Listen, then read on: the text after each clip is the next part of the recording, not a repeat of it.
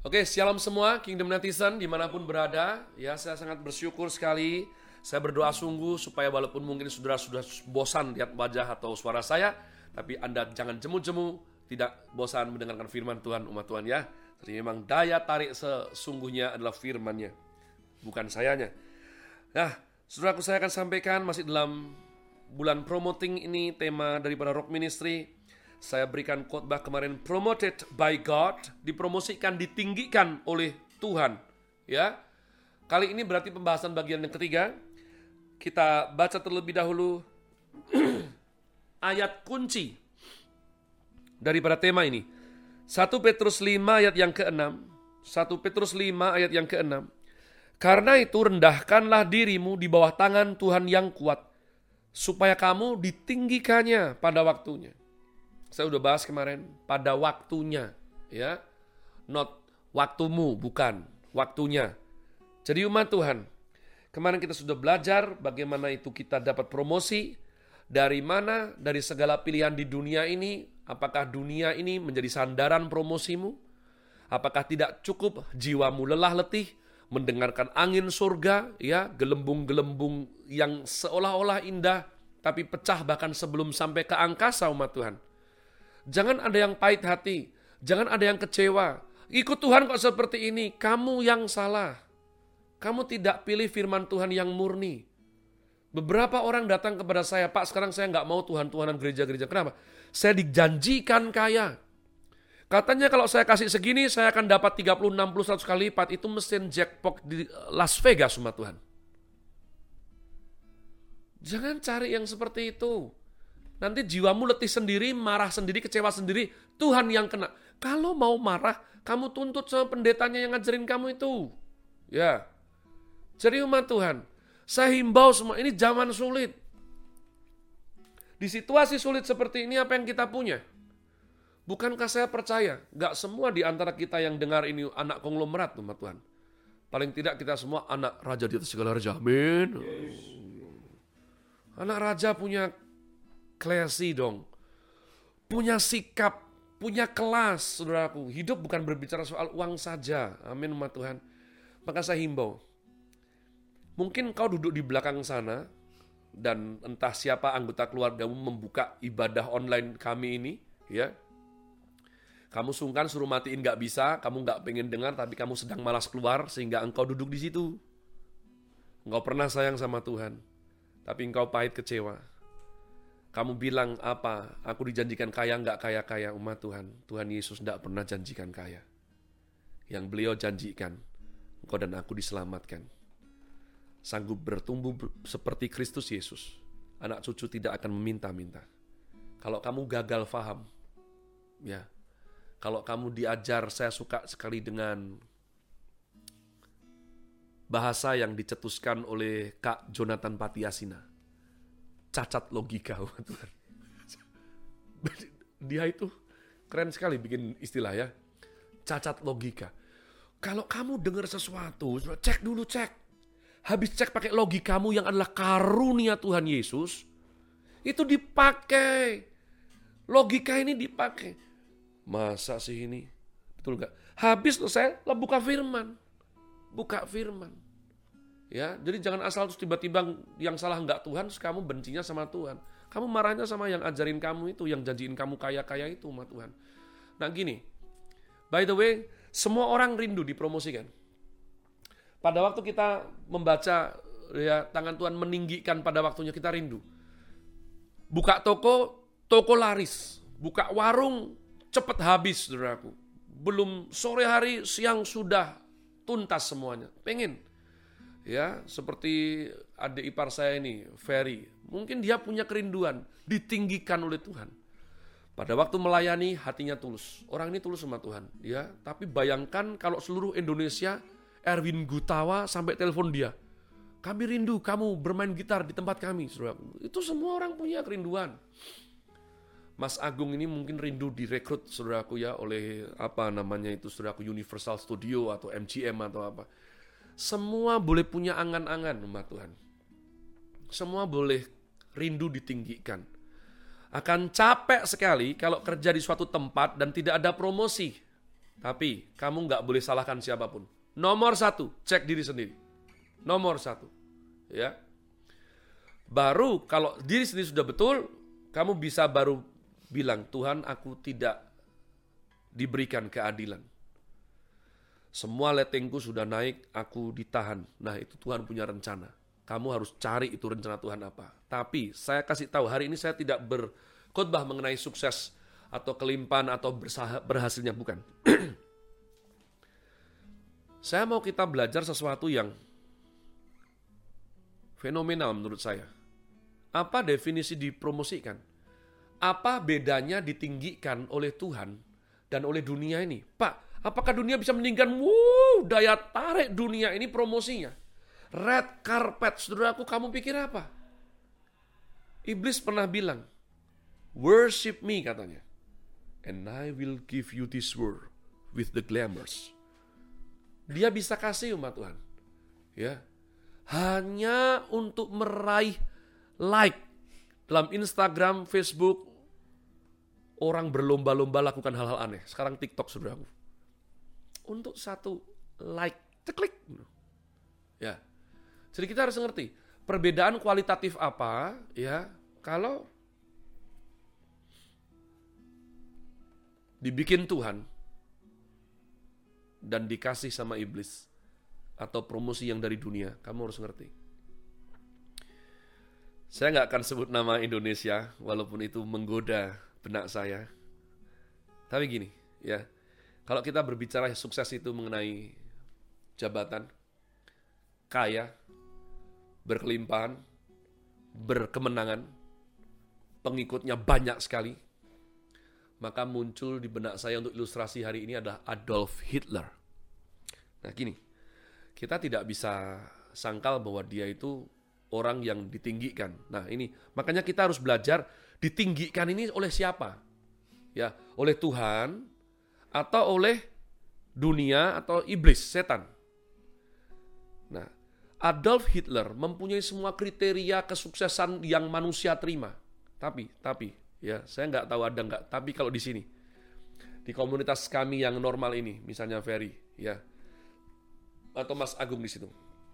Eh, puji Tuhan, nih Handri juga sudah punya anak. Apakah kira-kira kita akan ajar anak-anak kita, Ferry, Mas Agung semua? Nah, belajar yang tekun, doa sungguh-sungguh, supaya besar Tuhan angkat kamu kayak Adolf Hitler. Sudah setuju tidak?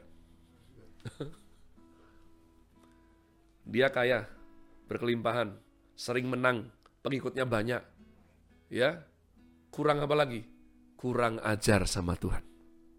Itu kesalahannya dia. Jadi saudaraku, rupa-rupanya kita tidak bisa comot satu nama walaupun dia seolah-olah apa, lalu kita kasih anak kita. Nah, seperti ini, saudaraku. Belum tentu. Jadi kita harus mengerti perbedaan kualitatif, sungguh-sungguh ditinggikan sama Tuhan, atau jangan-jangan iblis suka pakai teknik itu. Ya, orang salah kaprah sesat sepertinya secara berkat secara apa saudaraku naik supaya apa? Nanti kalau yang ikut sudah banyak, ketika jatuh saudaraku, itu teknik bagaimana sepertiga malaikat terseret pada waktu Lucifer dihempaskan ke bumi waspadalah ya. Waspada. Jangan jangan bodoh umat saya nggak punya kata lain. Jangan bego jadi orang. Nah, saya akan saya akan kira-kira kasih frame koridor bingkai umat Tuhan ya. Kemarin saya sudah katakan bahwa ditinggikan Tuhan pada waktunya itu adalah hipso, to elevate. Tapi ada satu uh, akar kata yang saya suka daripada Strong Dictionary ini, yakni to rise to dignity and happiness. Tempo hari saya sudah sampaikan mengenai dignity, kehormatan. Jadi umat Tuhan kira-kira seperti ini. ya. Kalau yang meninggikan itu Tuhan, hipso, itu harus ada dua tanda. Tanda satu adalah terhormat. Kehormatan tidak mungkin diraih umat Tuhan tanpa komitmen. Gak mungkin. Komitmen tidak bisa dibangun tanpa obedient, ketaatan. Itu kenapa saya kemarin sampaikan. Kenapa kita persepuluhan? Karena taat umat Tuhan. Karena taat. Karena taat kita beroleh perjanjian berkat Tuhan yang Tuhan berikan sejak Bapak Abraham, Ishak dan Yakub. Kalau kamu dengar ini, kamu berbelit-belit rumit gak percaya, tidak apa-apa. Namun aku, seisi rumahku dan pasukan barisanku, kami semua menyembah Elohim Israel Allah yang hidup dan sungguh akan menerapkan jalan-jalannya dalam hidup kami. Tapi hari ini saya akan fokus mengenai yang satunya lagi. Tanda bahwa seseorang itu ditinggikan bukan oleh dunia atau setan, tapi oleh Tuhan. Hipso itu ada dignity, satunya happiness. Bahasa gampangnya bahagia. Ya, kalau ada dua pilihan jadi orang yang bahaya atau bahagia, sudah milih yang mana? Bahagia. Saya dulu meremehkan saudaraku ya. Tapi ternyata semakin belajar, ini adalah teknik yang butuh semua pertolongan daripada kedewasaan kita dan roh kudus tentunya. Apa? Bahagia. Sudah familiar tidak dengan kalimat ini yang akan saya ucapkan? Wah sekarang kamu hebat ya, oh, semua ini milik Tuhan. Kalau bukan Tuhan, siapakah aku ini? Siapakah aku ini? Jadi biji matamu. Ya. Ini semua anugerah Tuhan ini kamu lihat sawah berhektar-hektar, ini castle di belakang saya. Ada sekitar pekerja di 1400 orang, semua dari Tuhan. Saudaraku, saya tidak bilang itu salah. Saya tidak bilang itu salah. Kita dalam kekristenan juga sering dengar seperti ini. Ya. Jangan bersandar pada kekuatan sendiri. Bersandarlah kepada Tuhan. Pernah dengar? Sering sekali, pasti. Dalam nasihat, pada waktu kita dengar, pada waktu kita melontarkannya sendiri, kita sering memakai frase-frase ini. Ya. Namun sungguhkah kita memahami arti? Apakah semua kalau ngomong seperti itu, umat Tuhan, itu sudah pasti dia paham? Belum tentu. nah, bagaimana menempatkan semua kalimat yang bagus tadi itu presisi, sesuai definisinya? bahwa kita betul-betul sadar semua ini anugerah Tuhan. Bahwa kita betul-betul menepati mulut kita bahwa semua hanya oleh karena anugerahnya semata. Kalau aku ada sebagaimana aku ada sekarang ini, itu semua semata-mata kasih setia Tuhan. Itu omongan siapa? Rasul Paulus. Ya. Gimana cara mengerti kalau itu betul? Bagaimana cara ngerti kalau kita ini betul-betul bersandar sama Tuhan atau pakai kekuatan kita sendiri umat Tuhan?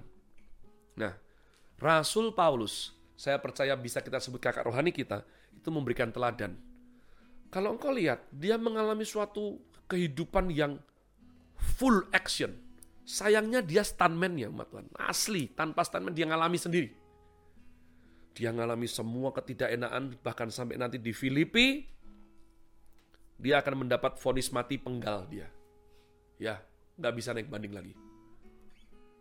Tapi kalau saudara membaca kitab Filipi, terutama Filipi 4 ayat yang keempat umat Tuhan, kau akan banyak menemukan hal-hal seperti ini. Bersukacitalah kepadamu. Koma, sekali lagi kukatakan, bersukacitalah. Orang hidupnya pahit, menderita, tersiksa, dianiaya terus-menerus, tapi bahagia. Sudah ngeri nggak sih? Beliau penuh sukacita sama Tuhan. Jadi ya betul. Happiness adalah parameter apakah kita menepati mulut kita bahwa kita sungguh bersandar pada Tuhan atau masih pakai kekuatan sendiri. Bahagia sukacita merupakan tolak ukur apakah kita betul-betul menepati omongan kita bahwa semua ini karena anugerahnya atau itu hanya lip service belaka umat Tuhan. Kita kerja keras. Ya. At the end of the day. At the end of the day. Kamu bahagia tidak? Saya percaya ini adalah pertanyaan yang secara tulus dan jujur harus masing-masing kita jawab, umat Tuhan. Ya, tanyakan kepada istrimu yang kamu bahagia enggak? Tanyakan dengan nada yang benar. No cheating. nggak boleh curang. Saat aku habis dengerin firman Tuhan yang sampaikan Caleb Hofer itu. Eh, kamu bahagia nggak sama aku? Saudara, nggak boleh seperti itu. Ya, punya nyali nggak? Tanya anak-anak. Anak-anak, kalian bahagia nggak? Ya, saya tahu, saya tahu mereka belum tentu ngerti konteks pertanyaannya. Namun, saudaraku, by the way, ya, mau ngerti mau tidak, sukacita itu sukacita. Garam itu garam, terang itu terang. Mau sulit apa? Mau sulit apa, menurut Ya, saya tahu apa yang di sini belum tentu sepenuhnya apa yang di sini. Namun, namun paling tidak ya yang di sini ini sedikit banyak menceritakan kondisi yang di sini. Jadi akankah kita ini bahagia ikut Tuhan Yesus? Di tengah-tengah semua pergumulan yang kita hadapi umat Tuhan. Itu mungkin kenapa orang-orang ya, dulu orang dimenangkan ikut Tuhan Yesus gampang. Hanya dalam 30 tahun benua Eropa dimenangkan for Christ. Kenapa? Karena orang-orang tuh lihat, lah ini orang-orang hidupnya sederhana, dianiaya, itu aja bahagia. Apalagi kalau mereka, saudaraku, diberkati Tuhan. Wah, lipat kali ganda. Ya, mereka tertarik. Wow, mereka ini dalam kondisi yang sulit seperti itu masih tetap bisa happy ya, rejoice ya. Padahal kita yang tidak kekurangan apa pun, saudaraku. Jadi hari ini penting karena semua orang bisa bilang bahwa aku sudah bersandar pada kekuatan sendiri. Bahagia tidak. Kalau kamu tidak bisa jawab bahwa kamu bahagia, kamu lihat kaca umat Tuhan. Kamu lihat kaca, ya. Lalu, kamu lebih gampang marah atau lebih gampang tertawa? Hanya orang bahagia yang bisa bahagiakan orang lain, umat Tuhan. Orang yang penuh racun bisa tebar racun Orang yang pahit, ya itu jago bikin pahit orang lain. Tapi kalau kita suka cita, kita mau racuni apa? Jadi, hari ini saya cetuskan dengan jelas umat Tuhan. Dari mana kita mengerti bahwa Tuhan yang beserta kita, Tuhan yang berikan kemenangan, lihat hidup kita. Apakah ada kehormatan di situ, dignity? Ya, kita tidak suka kok kalau Misalnya anak-anak ini anak-anak saya ini dengar ya, eh tuh Pak Caleb Hofer Bintoro itu, itu luar biasa loh itu, dipakai Tuhan. Lalu ada orang yang bilang, cih, kalian aja nggak ngerti. Itu palsu itu. Hidupnya nggak seperti itu. Apa enak umat Tuhan? Kan nggak enak. Ya, kalian lihat seolah-olah saya gini hahaha Ternyata pada waktu kamu datang ke Jogja, anak-anak saya kurus-kurus semua, mukanya muram, penuh ketakutan, ya kan. Lalu saya panggil, Handri, sini, kain, kain, aku ya. Lihat sendiri. Lihat sendiri umat Tuhan. Dulu saya pernah tahu ada pendeta, pendeta. Saya, saya saya tidak menghakimi umat Tuhan, tapi ini real, ini real. Kaleb, ya Om. Om itu kalau masuk ke kantor, dari jauh om denger ya, anak-anakku tertawa-tertawa itu full timer itu. Mereka itu nggak tahu kerja atau enggak, tapi ketawa. Begitu itu om buka pintu ceklek, om masuk, hening. Tidak ada suara tertawa sedikit pun. Saya dengarnya aneh loh, umat Tuhan. Kita ikut Tuhan Yesus, ini ciri khasnya tuh sukacita. Saya setuju, jangan cuma tertawa terus, kerja yang bagus. Ya, amin. Tapi kan boleh loh kerja sambil tertawa. Orang doa syafaat aja dulu zaman dulu ada holy laughter kok. Gak tahu sekarang udah jarang ya. Tapi boleh. Memang harus tetap kerja. Jangan cuma ketawa terus ya. Tapi gak enak menurut saya. Kalau terus wow, hening mencekam seperti kuburan gitu. Dan itu bangga. Mereka semua ini takut sama aku. Jangan. Itu bukan kebanggaan umat Tuhan. Jadi umat Tuhan, saya rindu ya untuk engkau bisa mengerti. Hari-hari ini percayalah, saya mengerjakan apa yang dibukakan Roh Kudus ini nggak gampang. Saya tambah tanggung jawab, saya difitnah orang, saya masih punya masalah keluarga internal, ya. Saya bisa mengeset wajah saya, tapi Roh Kudus kejar saya. Kalau saya tidak bersuka cita. Sudah tahukah engkau bahwa apa artinya kalau kita sulit bersuka cita? Tahukah artinya? itu artinya Tuhan gak cukup buat kita umat Tuhan. Ya, makanya saudara kalau lihat orang-orang yang gak tahu konglomerat atau miskin punya gak punya sedang jatuh cinta, mereka gak butuh apa-apa umat Tuhan. Lihatlah, perhatikan gombalan mereka, perhatikan gombalan-gombalan mereka itu. Selama bersamamu sayang, I can face the world. When I see you smile. Alah, saudaraku, ya. Tapi itu menceritakannya. Dunia hanya milik kita berdua.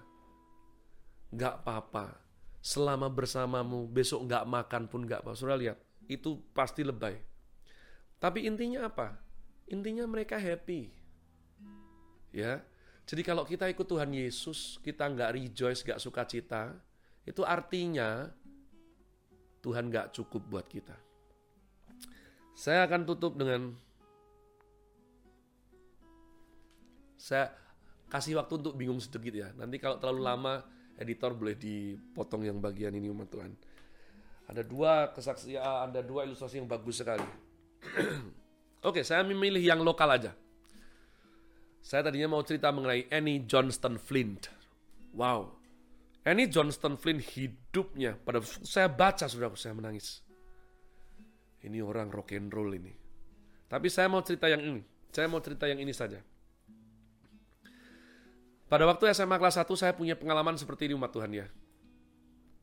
Uh, saya jemput seorang teman untuk ke sekolah.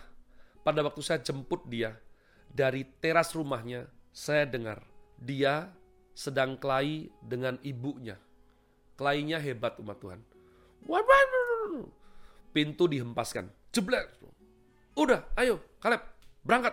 Aku, saya serba salah. Ya, uh, uh, permisi itu. Mereka bertengkar. Mereka bertengkar. Kami naik motor, saudaraku. Naik motor. Ini teman saya ini tegangan tinggi, high voltage. Ya, ada motor di sebelah apa gitu dari sekolah lain dia langsung gas, teman Wah, ngeri. Ngeri. Saya juga waktu itu masih bego, belum ikut Tuhan. Tapi saya ngerti, kita ini mau ada ujian di jam pelajaran kedua. Jadi kan alangkah bagusnya untuk kita tidak lakukan hal seperti itu. Tapi dia uring-uringan terus. Sampai di parkiran sekolah, saudaraku. Dia masih uring-uringan. Mulutnya ini dengan fasih melontarkan seperti mitra liur, saudaraku. Kata-kata umpatan pisuan yang mengerikan sekali, saudaraku. Seperti rap gitu, saudaraku ya. Tapi, saudaraku, ya, ada sesuatu yang yang terjadi. Sesuatu itu adalah pada waktu kami itu masuk lorong dan mau masuk ke jajaran kelas demi kelas yang ada, dari kejauhan saudaraku berjalan gerombolan tiga empat orang waktu saya lupa. Nah, rupa-rupanya ada salah satu makhluk dari empat orang perempuan itu yang berjalan ke arah kami itu adalah kryptonite-nya dia. Itu adalah sumber sukacita teman saya yang uring-uringan. Sudah tahu, ini betul-betul saya saksikan sendiri. Mukanya yang jelek uring-uringan itu, mulutnya yang terus mengumpat-ngumpat. Begitu lihat saudaraku perempuan ini, gadis ini, nona ini, siswi ini. Dia langsung hadap ke saya saudaraku. Semua tadi yang tegang saudaraku langsung lembut. Eh, eh, eh, Kaleb, Kaleb. Ya. Oh, gimana? Semua beres? Oke, okay, oke. Okay. Ya. Uh, saya sampai tanya, eh ada apa? Kenapa kamu? Itu, dia lewat. Bentar lagi dia lewat. Saudaraku. Menakjubkan melihat seorang gadis, saudaraku, itu sanggup menyapu semua awan gelap dari kehidupan si bego teman saya ini. Saya berpikir dalam skup skala yang lebih besar. Is that really Christ is enough for me? Di tengah situasi yang paling sulit, paling pelik, cukupkah Tuhan Yesus dan karya salibnya itu saya mengingat perkataan Raja Daud yang berdoa, "Ya Tuhan, gunung batuku, biarlah sukacita dikarenakan penyelamatan daripadamu ini tidak pernah pudar dari jiwaku. Jadi umat Tuhan, Tuhan sudah berikan kita di tengah masa situasi seperti apa pun untuk kita senantiasa boleh bersukacita. Itulah kenapa di tengah penganiayaan yang begitu hebat, Rasul Paulus tetap boleh berkata, eh ayo tetap berdoa, bersyukur selalu, sukacita senantiasa. Sukacita. Kenapa? Because Christ is enough for us. Tuhan Yesus cukup, lebih dari cukup untuk menyapu habis semua awan gelap dari hidup kita. Amin umat Tuhan. Give very. Enak yang bisa di bisa di edit. Christ is enough for me. Oh, Christ is enough for me. Everything I need is in you. Everything I need, I have decided to follow Jesus. No turning back. Amen. No turning back. Oh, yeah, I have decided to follow Jesus. No turning back. No turning back. Because Christ is enough for me. Christ is enough for us. Saat si jahat menyerang saudara, yang akan dia renggut pertama kali adalah senyum di wajahmu. Dia akan sobek sukacitamu. Dia akan curi semangatmu. Lemahkan pengharapanmu. Habis itu. Seperti hiena. Kita akan binasa di cabik-cabiknya. Oleh karenanya saya ajak hari ini. Di dalam nama Tuhan Yesus Kristus yang agung, yang mulia. Bersukacitalah. Sekali lagi kukatakan. Bersukacitalah. Saya berharap kita semua sudah melakukan instruksi himbauan, yakni mempersiapkan perjamuan kudus di tempat dan rumah masing-masing.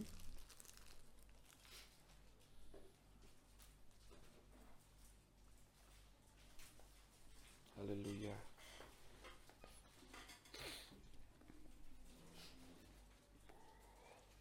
Mari semua yang di rumah Perhatikan bahwa anak-anak itu kita serahkan kepada Tuhan. Ya, hanya yang sudah teenager itu dibaptis Islam. Jadi jangan biasakan nih himbauan saya untuk perjamuan kudus itu diperlakukan seperti snack ya. Ya, Pak ini dia suka ya, jangan. Kita bisa belikan dia snack apa pun umat Tuhan. Tapi mari kita ajarkan sedini mungkin bahwa ini sakral, ada perjanjian Tuhan daripada perjamuan kudus yang senantiasa kita lakukan ini. Angkat roti dengan tangan sudah tinggi ke atas. Sebab apa yang telah kuteruskan kepadamu telah aku terima dari Tuhan, yaitu bahwa Tuhan Yesus pada malam waktu ia diserahkan mengambil roti, dan sesudah itu ia mengucap syukur atasnya, ia memecah-mecahkannya dan berkata, Inilah tubuhku yang diserahkan bagi kamu, Perbuatlah ini menjadi peringatan akan aku. Umat yang sungguh dicintai dikasih oleh Tuhan Allahnya. Percayakah saudara yang kita angkat ini sungguh-sungguh merupakan persekutuan kita dengan tubuh Kristus yang telah dipecah-pecahkan demi saudara dan saya? Mari makan dengan penuh iman dalam nama Tuhan Yesus.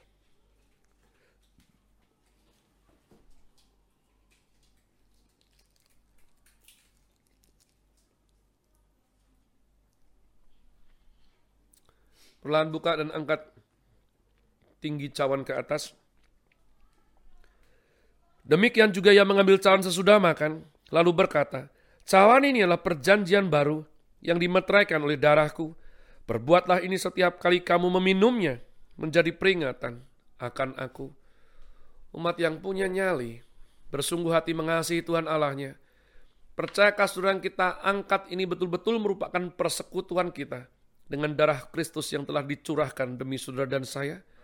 Mari minum dengan penuh iman dalam nama Tuhan Yesus.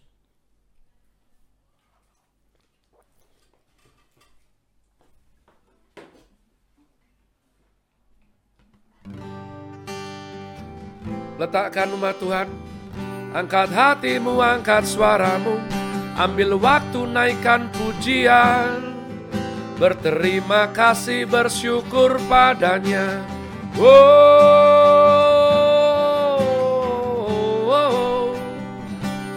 Haleluya Terima kasih Tuhan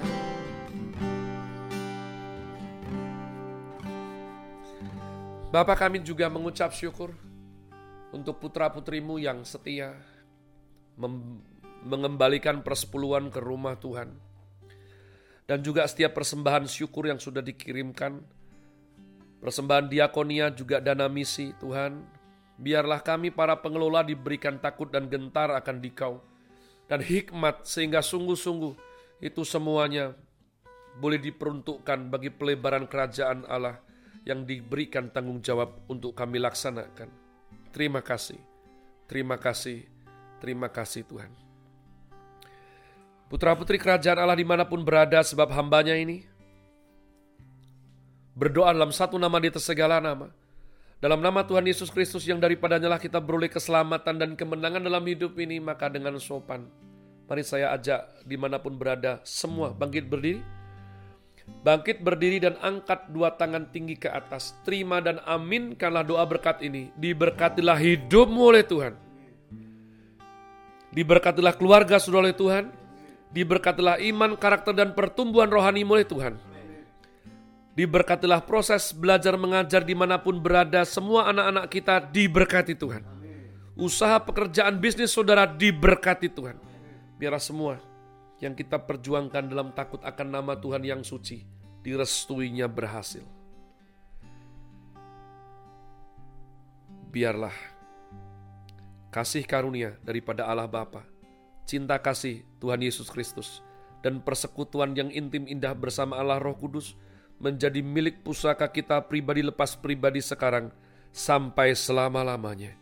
Bapa kami yang di sorga, dikuduskanlah namamu, Datanglah kerajaanmu, jadilah kehendakmu, di bumi seperti di sorga. Berikanlah kami pada hari ini makanan kami yang secukupnya, dan ampunilah kami akan kesalahan kami, seperti kami juga mengampuni orang bersalah kepada kami. Dan janganlah membawa kami ke dalam pencobaan, tapi lepaskanlah kami daripada yang jahat, karena engkau lah yang punya kerajaan, dan kuasa, dan kemuliaan sampai selama-lamanya. Amin.